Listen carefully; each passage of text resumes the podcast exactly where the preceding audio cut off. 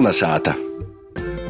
Vasarī jūsu sātos, mašīnās, citu darba vietos. Sasdiena 18.15 nozīmē to, ka Latvijas radējas pirmajā programmā māsas noskaņojamies latgaļiskiem viļņiem. Studijā Ēriks Zepsi izskaņ latgaļiskais raidījums Kolnesāta. Šodien māsa jūs esam sagatavojuši stostu par latgaļīšu i citom mozok lītotam valodam Latvijas i pasaules kontekstā sarunā ar Vinetu Vilcāni. Savukārt vēstures rubrikā pastostēsim vēl par vīnu simtgadi. Kolnesāta! Itu vakar pie mūsu kolonizētā gastos ir latgalīšu valodas aktīviste Vineta Vilcāna. Bet patiesībā sakot, kolonizētas klausētojiem Vinetu vēl vajadzētu atcerēt, jo nepasen Vineta bija arī kolonizētas producente. Labs vakars, Vineta! Vasals, Erika! Tu varbūt varētu īsākumā izstāstīt, kas tad ir tas, ar ko tu tā nozadarboji. Nu, taisni tā, ne augustā drupēt atsapūšos, bet, kā tu mani pīsacēji, ka latgalīšu valodas aktivisti, tad pēdējos mēnešus esmu bijusi cīši liela latgalīšu valodas aktiviste, bet orpus Latvijas man bija īspēja pavadīt vairākus mēnešus Nīderlandē un arī vīnu mēnesi ASV, kuras stostīju par latgalīšu valodu, arī raudzēju īsapazēt ar citām valodām. Man bija izpēja to darīt, jo es darbojos vienā starptautiskā projektā, kuru porstovu Latvijas studentu centru. Tas ir tādas pēdējās lietas, ko, ko es daru. Un, cik saprotu, tas projekts ir tīši vērsts iz mozok lītotajam valodam. Ja? Jā, tas ir ļoti liels Eiropas Savienības atbalstīts projekts, kas nosaukšu to pilnu nosaukumu, kas saucās Mazāk lietotos valodas lielos īspējas, sadarbība pietnīcība, kūpīna iesaistēšana un inovatīvi vicēšanas reiki, jeb sāsinoti Kolings saucās šitas projekts. I doma tam projektam ir tāda, ka sasatiktīs dažādom teiksim, tā lingvistiskajām minoritātēm, jūsu pietnīkiem, gan arī kūpīna aktivistiem dalīties pieredzē un arī katrai kūpīnai strodot uz dažādiem materiāliem, kas ļautu attīstīt kūpīnas valodu, itamā gadījumā latgalīšu valodu. Un cik daudz vispār tī uh, valodu pietnīku ir? Grūši tā nosaukt, jo mums ir arī, tiksim, tādi konstanti projekta dalībnieki, bet, kad mums notiek dažādi semināri, apvicēbas, vasaras skolas, tad pīsavienojās arī cilvēki, kas nav tīšā veidā iesaistīti itamā projektā, bet tiek porštāvāta dažādas valodas pūļajā, piemēram, arī par kašubu valodu tiks runāts, tad ir greko valoda no Itālijas, frīzu valoda Nīderlandē, ar kur es arī drupēt vai arī sapazinos. Tad ir māju valoda Meksikā, mums ir arī partneri timā okeāna pusē. Tā kā daudz, daudz un dažādu valodu, katrai valodai savs tos, sava viesturisko pieredze. Bet, principā, vai varētu tā tad izdaļāt, ka, nu, lielos vilcīnos katrā valstī var atrast vismaz vīnu mozok lītotu valodu vai, protams, minoritāšu valodu? Jā, katrai valstī ir tāda, jāsverās, kā kurā valstī to nosauc, varbūt kādā valstī te ir minoritāšu valoda, kādā nav. Tāpat mums, piemēram, kaimiņos Igaunijā ir arī veru valoda, te paša frīzu valoda, tādā lītojuma ziņā un reālos situācijas ziņā ļoti līdzīga situācija latgalīšu valoda, bet te lielāko atšķirība ir, ka, piemēram, frīzu valoda ir otru oficiālo valsts valoda Nīderlandē. Un arī ir diezgan atšķirīga no holandiešu valodas, kā latgalīšu rakstu valodai, latviešu literārā valoda ir diezgan līdzīgas, bet pilnīgi katrā pasaules valstī ir kāda mazo valoda, kurai varbūt neiet tik labi, kā, kā gribētos. Uh, bet kas ir tos kopējos tādas uh, problēmas, kas sakrēja visam tom valodam, uh, tā skaitā arī latgalīšu valodai? Par visam nezinošu, bet, eh, protams, viens no izaicinājumiem ir eh, valoda skolos un izglītības sistēmā un vispār valodas un rakstu valodas apgive. Piemēram, frīzu valoda ir skolos, viņam ir īstenībā eh, ļoti liels finansējums tiek ieguldīts frīzu valodā, vienkārši latgalīši var apskaust. Bet tas pats izaicinājums, kas pie mums jaunīši īsti negrafu vicētīs rakstīt. Es arī paša tikos ar jauniešiem, kas saka, mēs esam frīzu valodas patrioti, mēs runājam, un es viņam prasu, tu gribi īsavīcētīs rakstīt? Nu, nē. Mm. un es, es ar mammu un tēti runāju frīzu valodā, bet uh, Vācijā ziņas rakstā holandīšu valodā. Kas patiesībā man liekas ir izteikta tendence arī latgalīšu valodā, un tad vaicājums, vai tas ir tīši valodas vaicājums, vai tas ir tēritis, ka jaunieši vienkārši negrib izadziļinot un jauniešiem nepateik rakstēt. Manuprāt, arī vienkārši interese par valodu vairāk runās, kad tu palīdz pieaugušoks, tu soc apzinoties mantojumu, bet no otras puses, jā, būtu jau tiem bērniem jādod kaut kādas pamatzināšanas rakstu valodā, lai tad, kad viņi paliek pieaugušākiem, jau ir kaut kāda bāze, un tad viņi jau atcerās jātī. Jo es arī vienkārši redzu pie tiem cilvēkiem, kas man ir apliek, ļoti daudzi raksta latgaliski, bet viņi raksta ar klaidām, un visdrīzāk viņi arī neizavoicēsīs pareizi rakstīt arī, taksim, vārds piedeņos arī, ko nozīmē pareizi rakstīt, bet uh, arī ar to pareizību ir tā jāsaverās tos sfēras, jo es domāju, ka vienkārši, ja tas ir WhatsApp chats, ja tas vienkārši ir komentāri Facebookā, mums nav vajag tik ļoti izspringt par rakstību, varbūt kāds man te vēlēt oponēs, bet uh, svarīgāk ir, ka mēs vispār rakstam un ka cilvēki raksta, un man Man diezgan nepatīk, kad uh, citi sāk uh, komentēt, uh, pormest tamā pašā Facebookā, ka kaits ir ne tā pierakstījis komentārā. Vai. Uh, svarīgāk ir tu pareizo rakstu valodu lītot, kad tiek radētas tādas palīkošas vērtības, kā, piemēram, gromata, kur tu nevari pēc tam vairs izlabot uh, klaidus, vai tas ir muzikas pasaukuma plakās, nezinu, muzikas disks, jo cilvēks parastais, latgalīts vai nelatgalīts, kas varbūt interesēs vairāk par valodu, paņem rokās to grāmatu, paņem to disku, izjauta, ka a priori pieņem, ka tie viss ir pareizi un tim, kas, kas rada tos palikušos vietējos, viņiem jāapzinājās un uh, jārauga darīt maksimāli visu, lai tomēr tī tiktu ievērotas tos pareizrakstības normas. Jā, starp citu, runājot par uh, tīši rakstēbu un uh, baidiešanos citreiz arī rakstēt, jo tu nezini, kā pareizi rakstēt, tad varu pastosēt, ka tikko arī nesen vīnā nometnē es pats sazaskoru ar tādu patīsību sakot patņi stereotipu, bet baili no cilvēkiem, ka jā, jīla prot lītotu, teiksim, latgalīšu valodu rakstētu vai arī, piemēram, pornūvadnīgi, ka mēģinotu kaut ko pārunot, bet ka jīm ir gadējies tā, ka jī sazaskor, ka tiklēts jī so kaut ko darēts latgaliski, tā, nu, latgalīšiem pret jīm nokūt cīši lelas, nu, aizvainojums dusmis vai tāda kā trauksme, ka, nu, bet tu taču krūpļoji manu valodu un tam līdzīgi. Jā, mums būtu jāmaina tā attieksme, jo Mēs vienkārši varam izdomāt katru savu situāciju, kad mēs, piemēram, sākam vicēties krīvu vai angļu valodu. Mēs neviens nerunājam perfekti, un ja kāds mums visu laiku sacītu, oi, oi, cik tu nepareizi runā, nu, mums jau nebūtu nekāda interese vicēties, jo it kā jā, no vienas puses mēs kā latgalīši gribam, vai lai valoda aizvien vairāk lītoja, bet no otras puses, kad kāds to dara, mēs esam diezgan kritiski, un es pat sacītu, ka latgalīši ir tādi diezgan lieli valodas policisti. Kā vispār latviešu valoda izavēra itā projektā, teiksim, iz visu citu valodu fona? Nu, ja tā vismaz ar tom, ar kuram tu esi sazaskorusi, nu, te situācijā, kas ir šobrīd Latvijā ar latviešu valodu? Es sacītu, ka mēs esam diezgan labā situācijā. Tāds viens secinājums, kas man bija pēc Nīderlandes, kā jau minēju, frīzu valodas situācija ir diezgan līdzīga latviešu valodas situācijai, ka tīši latviešu valodā ir daudz padarīts uz brīvprātības principa. Jo tur, kur, piemēram, es redzēju, kur frīzim ir finansējums, kur ir institūcijas, kas to dara, tad Latgolā tu pašu darbību ir, mēs esam izdarījuši kā brīvprātīgi. Un par to man ir ļoti liela prīca. Ja tā ir pasaverās, globāli situācija uh, ir diezgan laba. Lielākais jau šobrīd, manuprāt, ir izaicinājums valoda skolos. Izaicinājums ir tas, ka mums nav vienas institūcijas, kas koordinātu tīši latgalīšu valodas vai latgaliskos kultūras vaicojumus. Mums ir vairākas latgalīšu biedrības, katra dara kaut ko savu.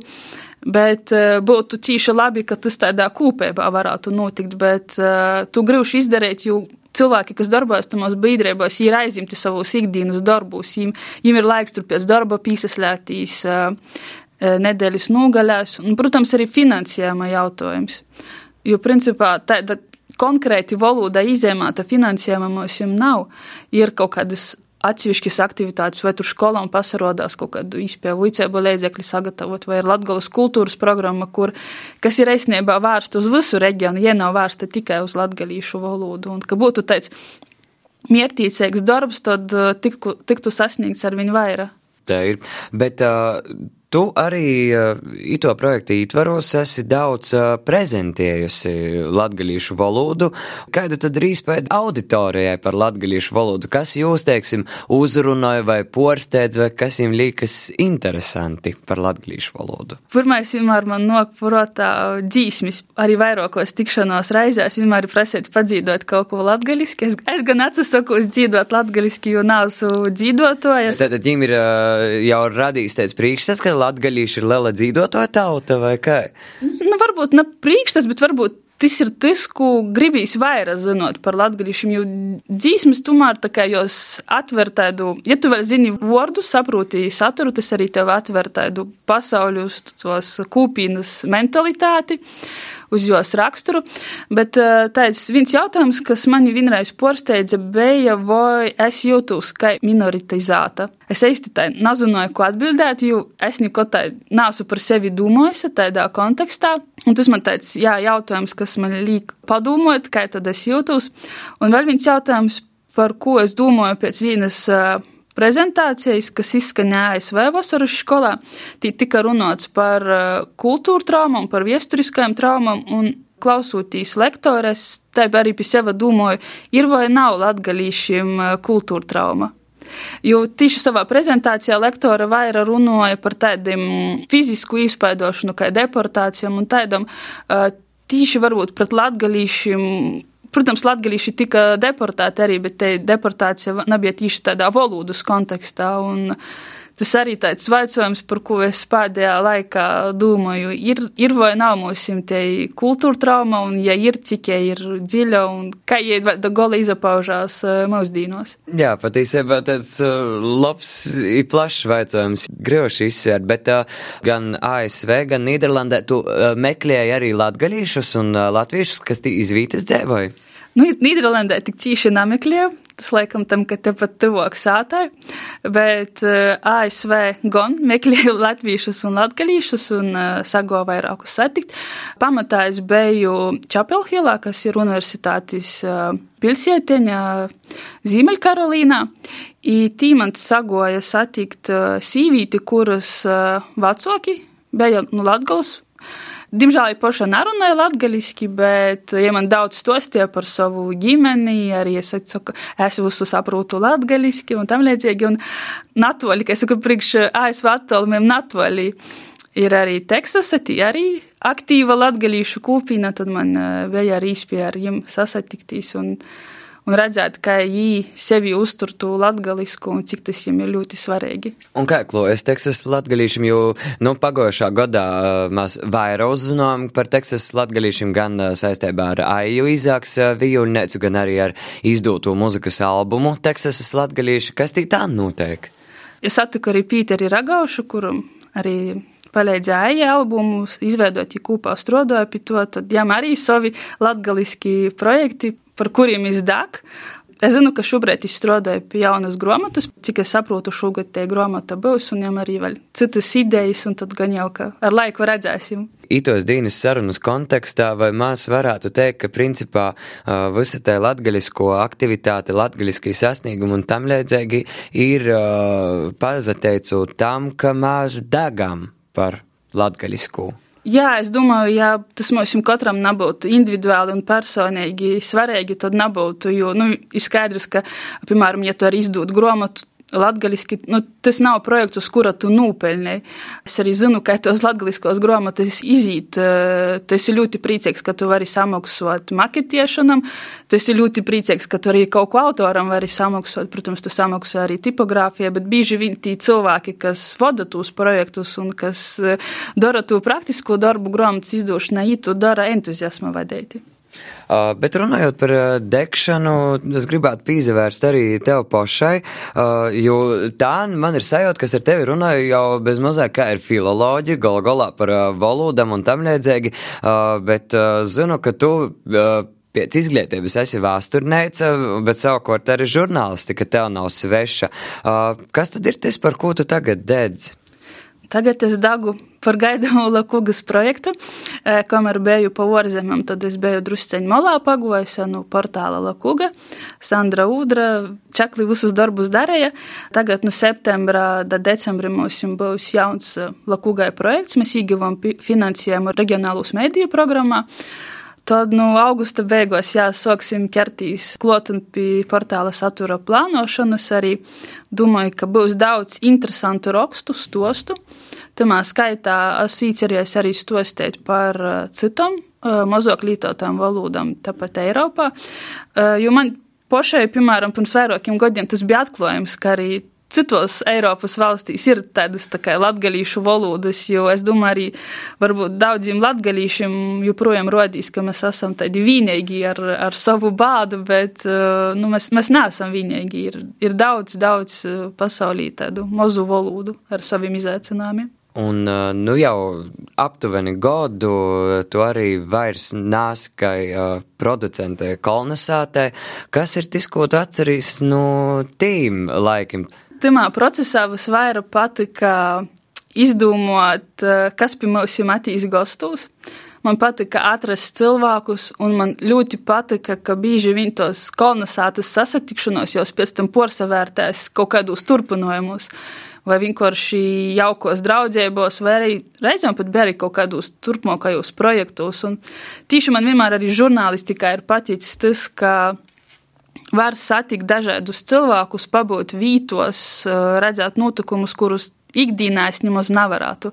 Un tas, laikam, arī ir palielam tas, kas mani vēl joprojām noturtamā žurnālistikas lauciņā tīši te tāda īspēja iegūt unikālu, unikālu pieredzi. Un, un tīši cilvēkus, jo arī pēdējo mēnešu laikā esmu sapratusi, cik kā ir svarīgi satikt cilvēkus, īpa, īpazīt dažādus cilvēkus, un arī manos ceļojumos pa pasauli. Esmu satikusi tik, tik daudzus sirsnīgus un, un atsaucīgus cilvēkus, kad uh, man vienkārši jūs joprojām, joprojām ļoti pietrūkst, un es ceru, ka, ka mēs sastatiksimies, vai, vai cilvēki Latvijā varbūt ir tādi vēsoki reizēm, bet es domāju, tie ir tie viesturisko trauma, tie padomju gadu pieredze, ka tev bija jodomā, kam tev attaisēt savus sātus durvus, kam tev uzaticētīs un kam nav uzaticētīs. It kā jau ir notikusi paudžu maiņa, bet kaut kur vēl tamā smadziņu apakšā vēl sētēji te pīsardzība.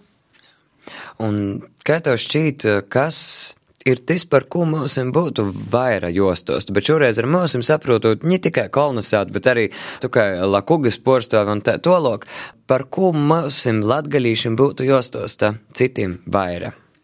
Nu, ja mēs tādā Latvijas kontekstā domājam, tad mums vienkārši vairāk būtu jostos vai jorūt īspējas izskaidrot uh, latgalīšu valodas to viesturisko situāciju, uh, ka mēs neesam kaut kāds dialekts vai izlūksne, ka mēs esam pulvērtīga valoda, ka valoda ir savi rakstu valodas pieminekļi, ka valoda ir tikusi lītota. Daudziem tas ir atklājums, tāpat arī Latvijā, kad Jā, jūs kā ir valoda, jūs ir rakstīt, a, kā jūs rakstīt, jūs taču ir katrā sāģā runāja savaižok. Jā, katrā sāģā runāja savaižok, bet tomēr mēs ejam uz vīnu rakstu valodas standartu, Manuprāt, arī poriem latviešiem būtu jāapzinājās, ja jūs tā kā, tiksim, tādās varbūt publiskā sfērā gribat kaut ko pierakstīt latgaliski, tad nu, tomēr pavaicot kādam, kas zina to rakstu valodu, jo Tomēr, kā saka, tas tad paliek akmenī īkalts, ko, ko jūs radīt, un ja jūs pavaicojat un konsultēties, jūs arī parodīt cīņu pret latgalīšu valodu, nav vienkārši tur pazvani kādam čomeņam, tī kaut kur no Latgola skaitī ir, un es, es nevienmēr zinos, kā to pierakstīt. Es zinu, kā es runāju savā pusē, un tas ir skaisti, kā es runāju, bet te rakstu valoda drusceņi atšķirās. Bet es teiksim tādā Latvijas kontekstā, bet arī tu tagad uh, ieguvusi starptautisku pieredzi, uh, vai mums latgalīšiem ir ko stostāt pasauļam? Mums ir kustosies, mums ir kustosies tīši par savu pieredzi, par tom aktivitātēm, ko mēs darām, ka mums ir, nu, es paši arī strādāju Lakugā, ka mums ir tāds portāls, un īstenībā mēs jau esam ļoti unikāli. Katrai valodai ir savs eh, portāls, kas ikdienā viestatumā valodā. Protams, tā kā ir dažādi reģionālī mēdīji, un arī par eh, mūsu pieredzi tīši, kā mēs organizējam varbūt tādas uh, dažādas izklaidējušas aktivitātes. Mums ir ļoti daudz eh, muzikas grupu. Jā, varbūt arī tas mūsu stosts ir, ka mēs esam starp eh, rītumiem un austrumiem. Jo tīši esnībā Latgolā sokās Eiropas Savienība. Un kā mēs esam saglabojuši tādu līdzsvaru, es domāju, tas ir mūsu tāds uh, veiksmīgs stosts un tāds mūsu unikālais stosts. Jo tīši arī tādā verūtīs tos pīrobežu zonas arī visinteresantākos ir, jo tī tomēr daudzas tradīcijas ir sasaglobojušās un arī Pirms es aizbraucu uz ārzemēm, es Daudz apkārt dzirdējot, runāja par Latvijas dabu. Man rodas tāds vienkārši stereotips pašam par sevi vai par to mūsu tradīciju un folkloras mantojumu, bet es tiešām redzu, ka daba mums ir ļoti skaista un mums ir izdevies jau saglabāt, un mums ir folkloras mantojums, kura nav daudzos, daudzos Eiropas tautos vairāk. Un arī reizēm man tā rodīs, vai tad Latgola vienmēr ir tikai folklora. Jo reizēm mums ir tāds, tas tāds uh, vienotības zeme Latgola, tad ir uh, etnogrāfiskais ansamblis, kas padala šmakauceņu un īdūt uh, rudzumaizis kukuli, bet te ir mūsu vērtība, bet varbūt mums arī jorauga tādā ielikt kaut kādā citā formātā, nav uz klasiskā, bet pacelt kaut kā tā drusceņi augšāk. Paldies, Vineta, par sarunu. Uh, ito vakar kolonizētā mēs sazrunājām ar latgadījušu valodas aktīvisti Vinetu Vilcāni. Kolonizēta! Itūreiz vēstures rubrikā Kaspars Strocmovs un pastāsties par devētu rāziknis konīgu pulku. Tam augustā apritēja jau simtu gadu. Vārds Kasparam. Vasarī 1919. gada 9. augustā tika dibināts 9. Riezeknis kojnieku pulks, kas bija viens no 12 Latvijas armijas kojnieku pulkiem, kuri to darīja soka gan jaunos Latvijas valsts aizstāvēšanas funkciju un arī mīra nodrošināšanas funkciju. Pulka pirmīs eh, komandīrs bija pulkveža leitnants eh, Ludvigs Bolšteins, vēlākais arī Latvijas Republikas robežsardas priekšnieks, pulks sastāvēja no vairāk kā 2000 karavīriem, bet, nu, protams, pēc tam principā tas skaits saruka. Jā, jo pēc tam, pēc neatkarības kara, tik daudz uh, cilvēku nebija vajadzīgs. Un uh, jau 19. gada uh, rudenī uh, 9. kojnieku pulks piedalījās gan uh, Reigas aizstāvēšanā pret Pāvela Bermonta uh, Rietumkrievijas brīvprātīgu karaspēku. Pēc tam 19. gada nogalī pordislocēja uz Latgali, kur viņam vajadzēja 20. gadā kopā ar uh, porējiem sabiedrotajiem pūļiem un arī Lietuvīšiem principā atbrīvot Latgolu no sarkanos armijas karaspēka daļām, kas itā arī bija. Nu, un pēc tad itam cīņam 20. gada principā janvāra beigās, februāra sākumā pulks sasniedza Latvijas etnogrāfisko robežu, Zilupes pasīnis pusi, un arī tur arī palika kādu laiku, jā, jo tika parakstīts mīra, mīra liegums slepens, jā, un pulks principā nu līdz 21. gadā janvaram pildīja gan bēgļu plūsmas regulēšanas funkciju, gan cīnījās ar kontrabandistiem uz robežas, nelegalajiem robežu kāršotājiem, un 21. gadā janvāra nogalē, tad viņi beidzot nokļuva Riezeknī, un var sacīt, ka no 21. gada janvāra viņi tad arī Riezeknī arī tā kā dislocējās. Bet eh, daudzas no vīnēbām vēlākajos gados, ņemot vērā to, ka Riezeknī visas vienkārši nevarēja fiziski izvietot, jūs tad arī pordislocēja gan uz Zilupi, gan Lūdzu, gan Korsovu, bet pamatā bāze atcerodās it tepat Riezeknī. Nu, un izvietot tika dažādos vītos, protams, ka sākumā bija problēmas gan ar ekipējumu, gan ar telpām pīnocēgam. Sākumā tad atcerodās gan Tagadējā Latvijas apgabalā tīsa sākā, toreiz Krievu gimnāzijas nomā, tad viņiem bija arī dažas vīnības atcerodās Natoļi no Rieziknas otros dzelzceļa stācijas, tūlai karantīna, tur bija, dzēvojumos barakas, kancilēja, šautuve un dažādas citādas, gan, gan ākas, kas bija paredzētas tātad karavīriem, gan arī mocībām. Nu, un principā jāsaka, ka pulks starpkaru periodā nebija tikai tāds, nu, protams, tāda ar tādu militāru funkciju un mi militāru īvirzi, bet īstenībā ļoti aktīvi sabiedriski. Īpaši izdalījās pilsētas sabiedriskajā dzīvē, piemēram, mežadīnos, dažādos sporta pasaukumos. Principā devētojas skojnieku pulks bija arī tas lielais iemesls, dēļ ko Riedzeknī tika e, sakārtots un arī izveidots tagadējais Dāngavas stadions, sporta laukums, tūlēk 1921. gadā. Jo, protams, ka karavērs un fiziskos aktivitātes tisīt roku rūkā, un viņi arī nozadarbojās ar e, dažādiem sporta veidiem. E, protams, ka ļoti, ļoti populārs bija tīši vingrošana, dažādas piramīdas, vingrošana uz zirga. Un, un arī citas aktivitātes.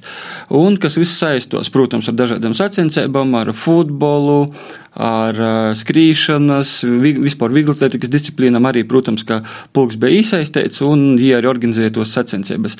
Zīmā ļoti populāras bija sliepošanas sacensības, jā, jo viņi arī, teiksim, zīmes periodā viņi Tad arī formēja atsevišķas vīnības, kuras te bija slēpošanas rūtas, piemēram.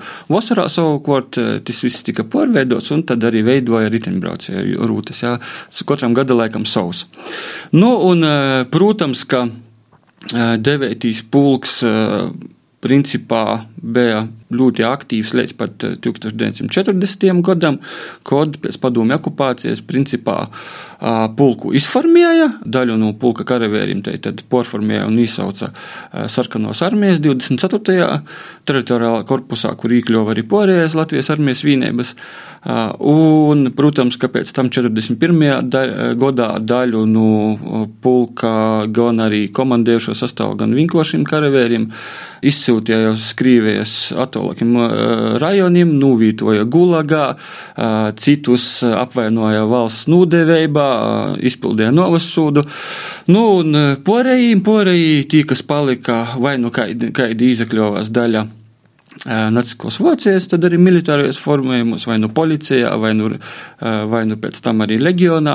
Nu, un porēji tad otram pasaules karam tuvojoties noslēgumam, tad arī izceļoja nu, Latvijas un principā arī daudzi darbojās timus pašos Daugos vanagūs emigrācijas, tādā lielā organizācijā. Nu, un jāsaka, ka pulks bija tāds drošības, arī kultūras un sabiedriskos dzīves nu, ļoti svarīgs aspekts ne tikai Latvijā, bet principā arī lielā Latvijas daļā. Kolna sāta. Paldies Kasparam Strodam par vēstures rubriku ņū dodu vārdu Gunai Igavenai ar Latgols jaunokūs notikumu skrēni. Daugopilī 2014. gadā dibinoto metāla muzikas grupa Varang Nord augusta sākumā uzvarēja pasaules lielākajā metāla muzikas konkursā Vaken Open Air. Visi grupas dalībnieki īt no latgalis, arī dzīt latgaliski. Sopus latgalā zināmākie palika viņa napaseņ pēc dzīsmes latgalīšu valodā stojīs video palaišanas škārsteiklā itmo gada vasarā. Itamā nedēļas nogalē teiks vietēti pilsētas svētki Preļu un Viļānu pošvaldībos. Tā ir poša vēl līdz 24. augustam ar dažādiem pasaukumiem turpinājās svētki arī Korsavas pošvaldībā. Atgādinājām, ka vēl līdz 9. septembrim tiek gaidīti dasacējumi Nikodama Rancāna vārdā nosaukto konkursa ītvarā, kad jau pīkto gadu pēc kortes tiktu padotas balvas labākajiem latgolas pedagogiem. No 24. līdz 25. augustam Bolvūs nosarisinosies 20. Bolvu kamermuzikas festivāls, kurumā muzicējs pianists Andrejs Sasokins, mūziķa Māra Botmane, vejuļniece Līva Plociņa Janova, dzīdētoja Ilona Bagela un daudzi citi. No 20. augusta līdz 27. oktobram Riezeknī Latgales viesnīcē Bagors būs apsverama Riezeknis mākslas un dizaina vidusskolas audziekņu darbu izstāde Ars Longa.